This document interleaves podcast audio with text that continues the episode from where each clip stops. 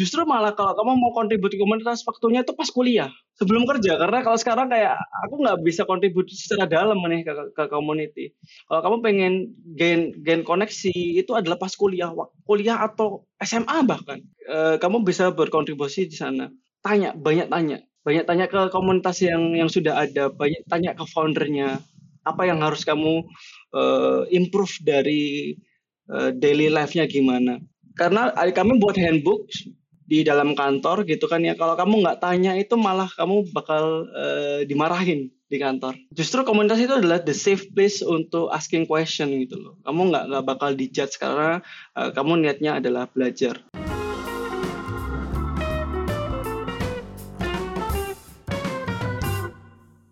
Selamat datang di Ceritanya Developer, podcast yang menampilkan developer, programmer, atau engineer Indonesia inspiratif yang tersebar di seluruh dunia. Podcast ini disponsori oleh Showcase.com. Showcase adalah sebuah jaringan profesional yang dibuat oleh dan untuk developer sebagai tempat untuk berkoneksi, membangun komunitas, dan menemukan peluang baru. Bersama saya Riza, kita akan menggali bagaimana mereka berjuang, suka dukanya dalam perjalanan karir, hingga kesalahan konyol saat ngoding. Nah, narasumber kita kali ini adalah seorang pendengar podcast yang lumayan ini ya, lumayan rajin gitu ya. Hampir tiap hari itu uh, saya sering lihat postingannya di media sosial podcast-podcastnya.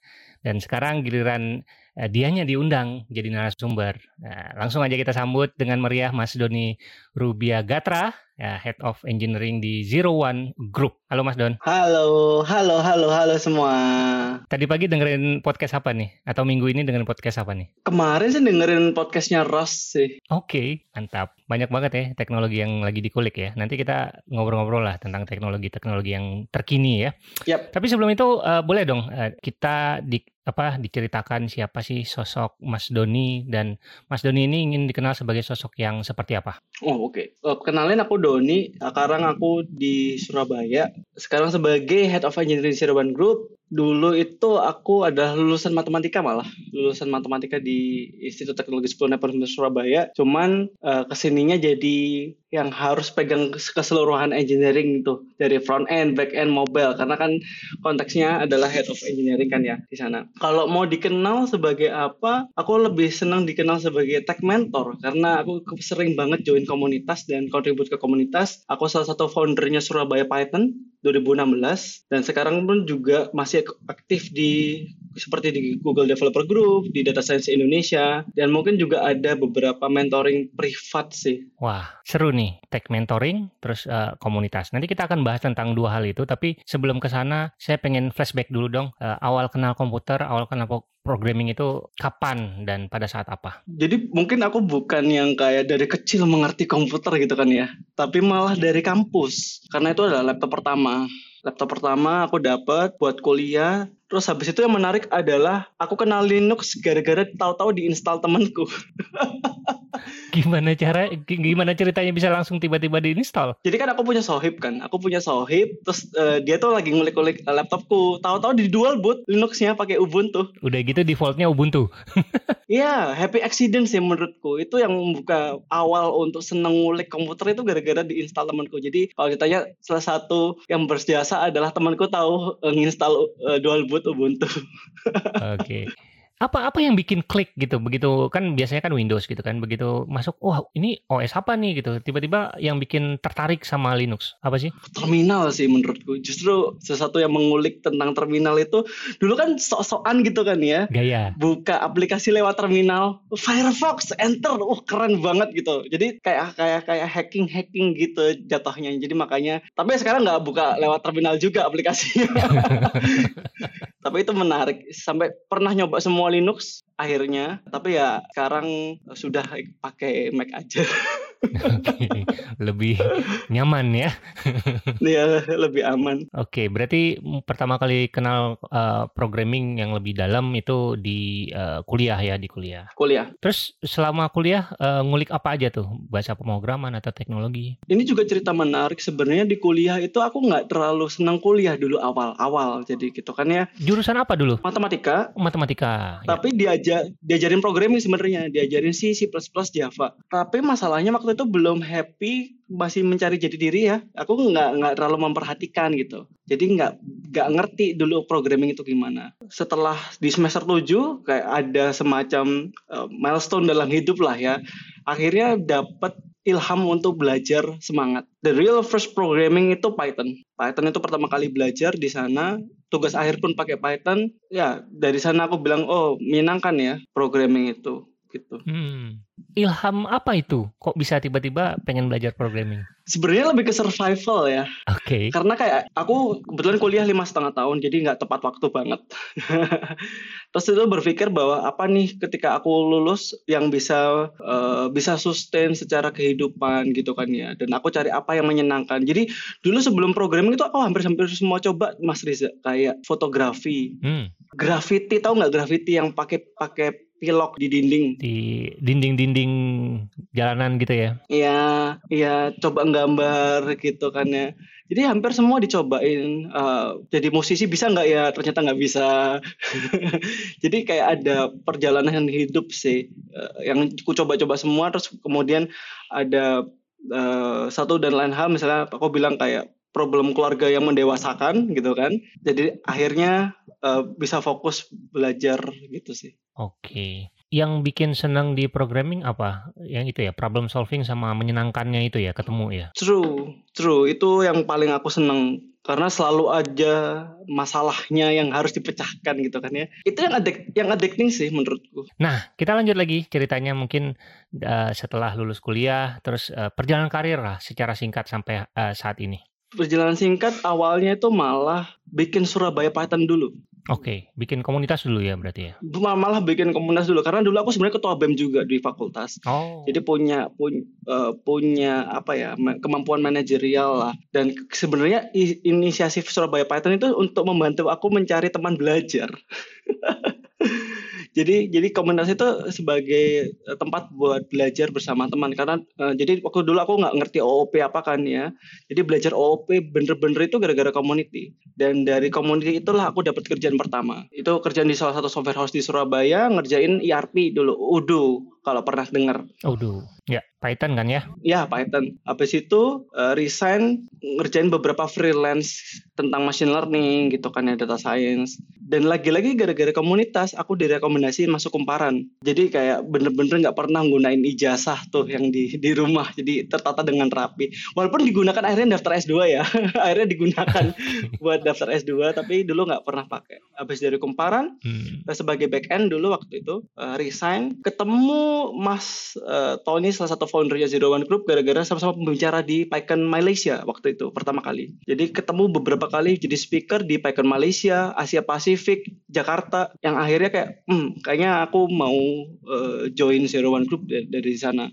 Akhirnya uh, resign join sampai sekarang sih hampir tiga tahun uh, di One hampir tiga tahun mm -hmm. nah, sekarang uh, posisinya di head of engineering ya Mungkin buat teman-teman yang belum familiar dengan uh, role ini, ini uh, role-nya sehari-hari kerjanya seperti apa sih? Sebenarnya role-nya sehari-hari itu to make sure everything works well dari sisi engineering maupun manajerial. Dan biasanya juga aku harus buat proof of concept misalnya ada teknologi baru nih kita kita mau coba adapt. Kita harus bikin proof of concept terus bikin blog biasanya untuk memvalidasi. Let's say waktu itu aku bikin blog sama uh, salah satu senior uh, engineer di Zero One Group adalah kita mau pakai apa? Flutter, React Native atau Ionic. Oke. Okay. Nah, ya kita bikin blog untuk memvalidasi itu dan akhirnya kita akhirnya pilih Flutter untuk uh, teknologi kita sana. Sama mentoring. Oke, okay. got it, got it. Nah, tadi Head of Engineering sekarang kita bahas tentang perusahaannya Zero One Group. Nah, ini cukup menarik nih. Sebenarnya Zero One Group itu perusahaan yang bergerak di bidang apa sih? Sebenarnya bergerak di bidang teknologi service informatika ya software. Kalau sederhananya sih software agency yang paling gampang dikenal orang-orang. Software house bukan? Ya software house gitu kan yang berbasis klien. Agensi ya. Uh, berbasis klien. Cuma kita juga membuat ekosistem nih, nggak hanya engineering tapi juga digital marketing gitu, desain, bikin konten kreator, TikTok video. Cuman hmm. Zero One Group itu kayak holding, di bawahnya itu ada Zero One Digital sama Zero One Technology. Nah, aku di Zero One Technology nih uh, konteksnya. Oke, okay. saya sempat ngeliat ya di salah satu di GitHub-nya Zero One Group nih ada ada apa? Ada salah satu repo yang apa welcome entry level. Ini menarik sekali nih. Jarang sekali ada yang um, apa ya membuat konten seperti ini. Ini kenapa Zero One Group memutuskan untuk membuat panduan seperti ini? Sebenarnya kita paham bahwa orang yang hanya mengandalkan kuliah itu tidak ready untuk industri. Jadi kita tuh membantu untuk teman-teman bagaimana mencari uh, course yang murah ataupun gratis karena mahasiswa ya atau student mereka mendapatkan akses gratis nih menggunakan GitHub Student Pack. Dan ini juga sebagai kesempatan untuk mengelaborasi dan memperkenalkan Zero One Group itu apa. Jadi enak bahwa kita adalah remote first company, kita itu contribute ke community. Jadi sebenarnya dua arah sebagai PR, public relationnya kantor, sekaligus juga memperluas uh, jaringan talent yang kita uh, ada. Karena kita capek juga harus jelasin zero one group apa tiap hari ke orang yang kita approach gitu. Jadi udah baca belum? Oh ya ada yang mau ditanyakan nggak? Gitu. Oke oh, oke. Okay, okay. menarik ya. Pendekatannya sangat menarik ya. Terutama hmm. untuk uh, apa eh, termasuk juga untuk menggait talenta talenta uh, untuk direkrut ya. Ya. Hmm, oke. okay. Nah, uh, kalau apa akhir-akhir ini lagi seneng ngulik teknologi apa, Mas Don? Ras sih. Dua dua minggu ini kan harus jadi pembicara di Google Developer Group ya. Jadi uh, di kantor juga uh, di kantor juga habis ngerjain dua project menggunakan Rust. Jadi uh, habis ngerilis blog tentang Rust juga uh, dan ya itu sih yang yang lagi dalam waktu dekat. Hmm. Apa apa yang menarik dari Rust dibandingkan bahasa selevel seperti Golang lah atau mungkin apa lagi ya C C++ gitu ras karena gini nih yang menarik dari Zero One Group itu adalah kami itu berlandaskan functional programming nih mas jarang banget orang itu menggunakan functional programming kalau tahu juga Zero One Group itu justru malah dulu pakai Clojure untuk main tech stacknya Oh. Jadi kalau lihat di GitHubnya Zero One Group kita ada dua library basisnya Clojure gitu kan ya. Hmm. Tapi susah nih untuk scaling karena harus ngajarin list. Itu kayak orang nggak pernah nyobain itu list Eh, cara programming list itu susah banget kan dan uh, butuh waktu untuk belajar. Tapi kita tuh suka pakai uh, Clojure, Haskell yang berbau uh, functional programming. Yang menurut kami cocok dengan Rust itu adalah type systemnya sih, karena dia nge-adopt dari Haskell. Jadi kayak result, option, sum, uh, sum, error itu yang menurutku yang kayak feel like home, tapi jatuhnya juga performance banget gitu dan dan dan populer dan lumayan cukup populer ya. Ya, populer banget. Nah, ini unik juga nih. Zero One Group itu kan tadi uh, sebutannya agensi atau software house. Biasanya software house kan uh, pakai teknologi-teknologi yang sudah umum digunakan, pakai yeah. WordPress lah atau eh, bahasa-bahasa yang umum lah ya, yang yang yang populer gitu. Ini malah fokusnya ke bahasa yang unik dan bahkan fungsional seperti Clojure dan lain-lain.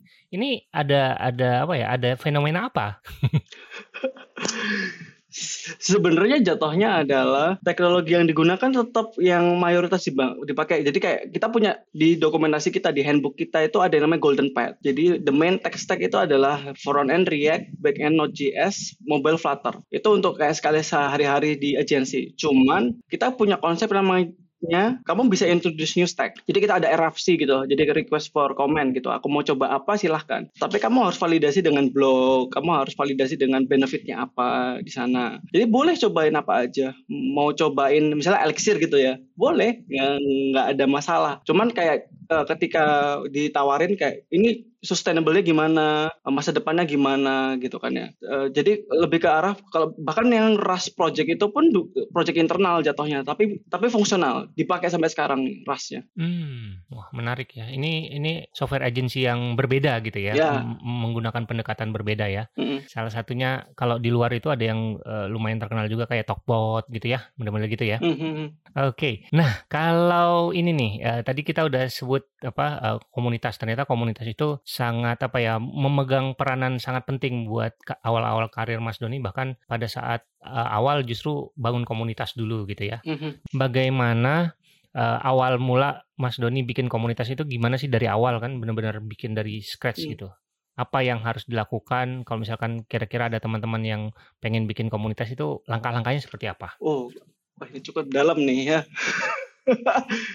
kalau mau diceritain tentang bagaimana membuat komunitas itu juga dikembalikan ke orangnya lagi nih Mas Riza. Karena tidak semua orang itu bisa bisa mengumpulkan orang tidak semua orang berkomunikasi dengan baik. Bahkan kalau dari menurutku pendapat pendapatku sebelum komunitas adalah belajar berkomunikasi dengan baik Mas Riza. Jadi kayak dengan gimana kamu bisa berkomunikasi dengan baik dengan menulis balik lagi gitu kan ya. Uh, menulis adalah bagaimana mengumpulkan ide-ide di kepala terus tertulis uh, sebagai sebuah tulisan. Berangkat dari situ kalau sudah sudah terbiasa uh, membuat komunitas pada waktu itu gara-gara konteksnya aku yang paling lama waktunya.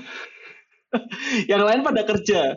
Justru malah kalau kamu mau kontribusi komunitas waktunya itu pas kuliah, sebelum kerja. Karena kalau sekarang kayak aku nggak bisa kontribusi secara dalam nih ke, ke community. Kalau kamu pengen gain gain koneksi itu adalah pas kuliah, kuliah atau SMA bahkan. E, kamu bisa berkontribusi di sana. Tanya, banyak tanya banyak tanya ke komunitas yang yang sudah ada, banyak tanya ke foundernya apa yang harus kamu uh, improve dari uh, daily life-nya gimana. Karena kami buat handbook di dalam kantor gitu kan ya. Kalau kamu nggak tanya itu malah kamu bakal uh, dimarahin di kantor. Justru komunitas itu adalah the safe place untuk asking question gitu loh. Kamu nggak nggak bakal dijudge karena uh, kamu niatnya adalah belajar. Jadi uh, kalau kamu mempertanyakan kayak dumb question itu cara terbaik untuk kamu jadi lebih jago karena kamu akan mengerti oh kenapa ya seperti ini uh, bakal dibantu jawabannya. Jadi kalau ditanya uh, bagaimana cara bikin komunitas, cari dulu komunitasnya dulu. Kalau nggak ada, cari yang cari yang sih nggak ada elixir nih Mas Riza, nggak ada Ya. Mirip-mirip ya. Iya. Python dulu gitu ya atau Ruby dulu gitu ya. Join karena ya jarang kan ya kalau di Indonesia Iya, jadi sebelum bikin komunitas memutuskan bikin komunitas coba ya. join dulu sebagai peserta gitu ya. Nanti setelah itu kalau mau bikin baru dari sana banyak nanya ke yang bikin komunitas yang kita uh, datangin gitu ya. Oke. Okay. Dan Uh, setuju sekali saya juga merasakan uh, betapa pentingnya komunitas untuk uh, untuk menunjang karir gitu ya. Dan mungkin ada teman-teman di luar sana yang belum merasakan dampaknya berkomunitas. Mungkin ada apa ya, ada sedikit tips atau ada wejangan gitu dari Mas Doni? Kalau misalnya pengen join komunitas kayak apa yang kamu sukai dari programming? Let's say kamu suka JavaScript atau front end atau React. Coba cari list komunitas apa yang ada di Indonesia yang involved dengan React. Coba join sana, ikutin dulu eventnya dulu aja. Kalau kalau sudah ikut eventnya sekali dua kali, kalau kamu pengen bener-bener berkarir di dunia industri, kamu paling tidak harus kontribut ke sana. Dan dan biasanya tuh orang komunitas akan sangat welcome untuk bantu kamu uh, mengembangkan karirmu, tapi jatuhnya kamu harus siap menjadi menti dan menjadi menti itu kadang-kadang orang nggak tahu gimana caranya gitu kan ya jadi gitu Hmm, iya tuh. Mungkin boleh di-share juga apa kadang-kadang kita dan tadi komunitas ya, terus kemudian uh, mentor gitu. Apa pentingnya mentor dan uh, bagaimana cara mencari mentor dan atau dalam uh, dalam uh, kata lain adalah bagaimana menjadi menti. Pentingnya mentor itu adalah sebagai guidance di awal karir itu sangat-sangat penting. Jadi kenapa kok aku pengen jadi mentor? Gara-gara dulu tuh aku harus dua tahun cari tahu sendiri apa yang ingin uh, aku cari gitu. Yes. Jadi selama ini di kantor aku ngementi beberapa orang orang bahkan hanya dengan waktu sebulan mereka tuh bisa accelerate banget growth-nya daripada aku harus nunggu dua tahun jadi benefit mentoring itu adalah aku pengen bagikan ke orang-orang bahwa sebenarnya kadang-kadang kita butuh guidance sedikit aja nih buat accelerate uh, our growth. Nah untuk menjadi mente yang baik itu adalah kamu harus belajar menulis yang baik itu kan ya. Let's say mau belajar tentang React gitu kan ya. Setelah belajar React Hooks misalkan coba bikin tulisan di sana. Karena kalau kamu tulisannya baik kamu bisa menyusun struktur kepada orang yang ingin kamu tanyakan. Jadi misal kamu gimana caranya cari mentor, just ask. Lewat Twitter pun boleh. Jadi tuh aku biasanya sampai sekarang pun masih cari mentor nih Mas Riza. Dulu dulu kalau masih ingat aku pernah nge-DM Mas Riza buat jadi mentor sebenarnya dulu. Di LinkedIn aku lupa. Masa? Iya, di LinkedIn dulu. Dulu Oh iya pernah. Iya iya iya. Di LinkedIn, LinkedIn. Itu aku ulangi di bahkan walaupun aku misalnya nge-mentor orang lain, aku kadang-kadang ngelihat orang di Twitter, wah ini aku bisa nge-mentor nih. Ada ada kayak uh, orang yang cukup aktif di komunitas, Mas boleh mentoring nggak gitu kan ya? Aku ada pertanyaan ini ini ini.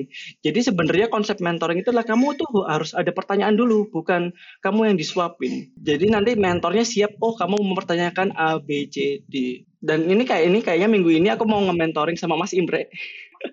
Oke. Ke Mas Imre, aku udah tiga pertanyaan nih. Mas Imre, aku mau tanya ini, ini, ini, nanti dibahas ya. Jadi, jadi lebih ke arah persiapan diri. Oke, jadi harus jelas dulu di awal ya. Iya, harus jelas dulu. Jangan Tujuan mentoringnya buat apa, Mm-mm. apa yang mau ditanyakan itu udah disiapkan gitu ya. Iya. Wah menarik nih. Buku, ya Mas Doni kan juga suka baca-baca buku kan. Buku yang dibaca akhir-akhir ini yang mengubah mindset Uh, banyak sih, Mas. Ada tiga. banyak ya. Boleh boleh. Eh, yang non yang rada filosofis itu dari Jordan Peterson 12 Rules of Life. Itu belum kelar sih tapi baru baru dua chapter. Tapi eh, secara filosofis itu eh, kena banget. Terus yang lagi baca sekarang ada tiga buku namanya Man versus Math, Man versus Money, Man versus Big Data. Jadi kayak menjelaskan tentang bagaimana manusia itu sangat bergantung dengan uang, matematika dan data gitu kan. Itu kayak satu set buku. Hmm, Dan yang terakhir buku teknis ya. Buku teknis itu uh, uh, Rush for Station. Oke. Rush for Restation. Iya, jadi kayak kayak da- dalamnya tentang let's say ada satu alokasi memori di dalam uh, komputer Rush itu gimana alokasi memorinya. Jadi kayak belajar Hmm, uh, basic uh, dasarnya Rush secara konsep. Oke. Nah, kalau apa gimana sih cara memupuk keinginan membaca di antara segudang media-media kayak video lah, ada podcast lah. Eh, dan apa keuntungan dari orang yang suka membaca dibandingkan orang yang mengkonsumsi media yang lain? Sebenarnya aku selalu komplementari mas ya. Jadi aku tetap lihat video, uh, tetap aku aku juga sering lihat Udemy course jadi sampai sekarang. Jadi masih ada koleksi yang belum terselesaikan juga ada di Udemy kan ya. Kalau uh, podcast juga juga sering kadang-kadang tiap pagi kalau aku podcast gitu kan ya. Tapi kalau buku mungkin dari gimana cara mampunya adalah mencoba untuk belajar, belajar baca blog sih. Belajar blog yang ringan-ringan dulu aja gitu. Jangan yang teknis. Eh, kamu belajar atau at least belajar dokumen baca dokumentasi lah ya. Baca dokumentasi. Itu penting. Itu kayak sebagai sebagai seorang eh, software engineer atau developer membaca dokumentasi itu adalah yang tidak terelakkan dalam kehidupan sehari-hari. Nah, kalau sudah terbiasa baca eh, dokumentasi harusnya kayak kamu tertarik dengan apa? Misalnya mau tertarik dengan matematika, cari buku yang berhubungan dengan matematika tapi yang ringan gitu kan ya. Jadi seiring bertambah waktu boleh yang mulai lebih teknis gitu. Oke, kalau tadi tipsnya supaya deketin mentor adalah menulis, kemudian sekarang membaca. Jadi kemampuan membaca dan menulis itu sangat penting, bukan hanya buat apa orang yang apa ya, yang sehari-harinya berkutat dengan klien, tapi juga dengan eh, developer ya. Developer juga kerjanya menulis dan membaca ya. Komunikasi lah intinya ya, kemampuan untuk berkomunikasi, menyampaikan apa yang ada di kepala untuk eh, disampaikan dengan baik gitu ya, supaya bisa diterima oleh eh, lawan bicara gitu ya. Betul. Oke. Nah, ini kalau tadi tips udah, terus eh, mungkin eh, Mas Doni bisa share sosok yang ingin didengar pemikirannya di podcast ceritanya developer. Mungkin eh, siapa yang ingin eh, diundang ke sini? Indonesia ya. Orang Indonesia apa luar? Boleh, Indonesia boleh. Kalau luar susah. susah, susah, susah ngajaknya. Kayaknya Mas Henry ya, Mas Henry Surya Wirawan ya. Head eh, Henry Surya Wirawan. VP engineeringnya Flip karena Mas Mas Mas Henry itu juga punya podcast namanya Tech Lead Journal kan ya. Dan dia punya dia punya dia dia punya akses banyak banget kayak yang wah ini tech Twitter terkenal di US bisa dapat nih dari mana ceritanya gitu kan ya. Oh iya iya iya. Dia salah satu dulu sebelum di Flip sempat di salah satu cloud kan. Iya ya, bener. Dia- pertama kali ketemu gara-gara jadi pembicara bareng. Oh, oke oke oke. Wah, boleh tuh. Boleh boleh. Terima kasih ya eh, ininya rekomendasinya. Mantap. nah, terakhir kalau ada teman-teman pendengar yang ingin kontak eh, Mas Doni, enaknya lewat mana? Tadi udah sebut ya, Twitter ya? Twitter Twitter. Mungkin bisa di-share eh, handle-nya? uh, @rubiagatra jadi nama belakangku tenang tidak ada yang punya nama belakang selain aku. Jadi aku cuma satu-satunya di Twitter. Nah, itu. Jadi buat teman-teman pendengar yang pengen punya mentor gitu ya, pengen dimentorin sama Mas Doni, langsung aja kontak. Udah dikasih izin tuh. Tapi jangan lupa siapin pertanyaan, siapin tujuan mau mentoringnya seperti apa. Oke, kalau gitu. Terima kasih banyak Mas Doni atas cerita dan waktunya. Sukses terus untuk karir dan kehidupannya. Ya, terima kasih sama-sama. Terima kasih untuk narasumber yang sudah menyempatkan waktunya untuk hadir dan berbagi cerita di Ceritanya Developer. Kritik dan saran bisa dilayangkan ke Twitter at rizafahmi22 atau boleh colek saya di showcase.com slash rizafahmi. Linknya bisa dicek di deskripsi ya. Sampai jumpa lagi di episode berikutnya. Bye-bye.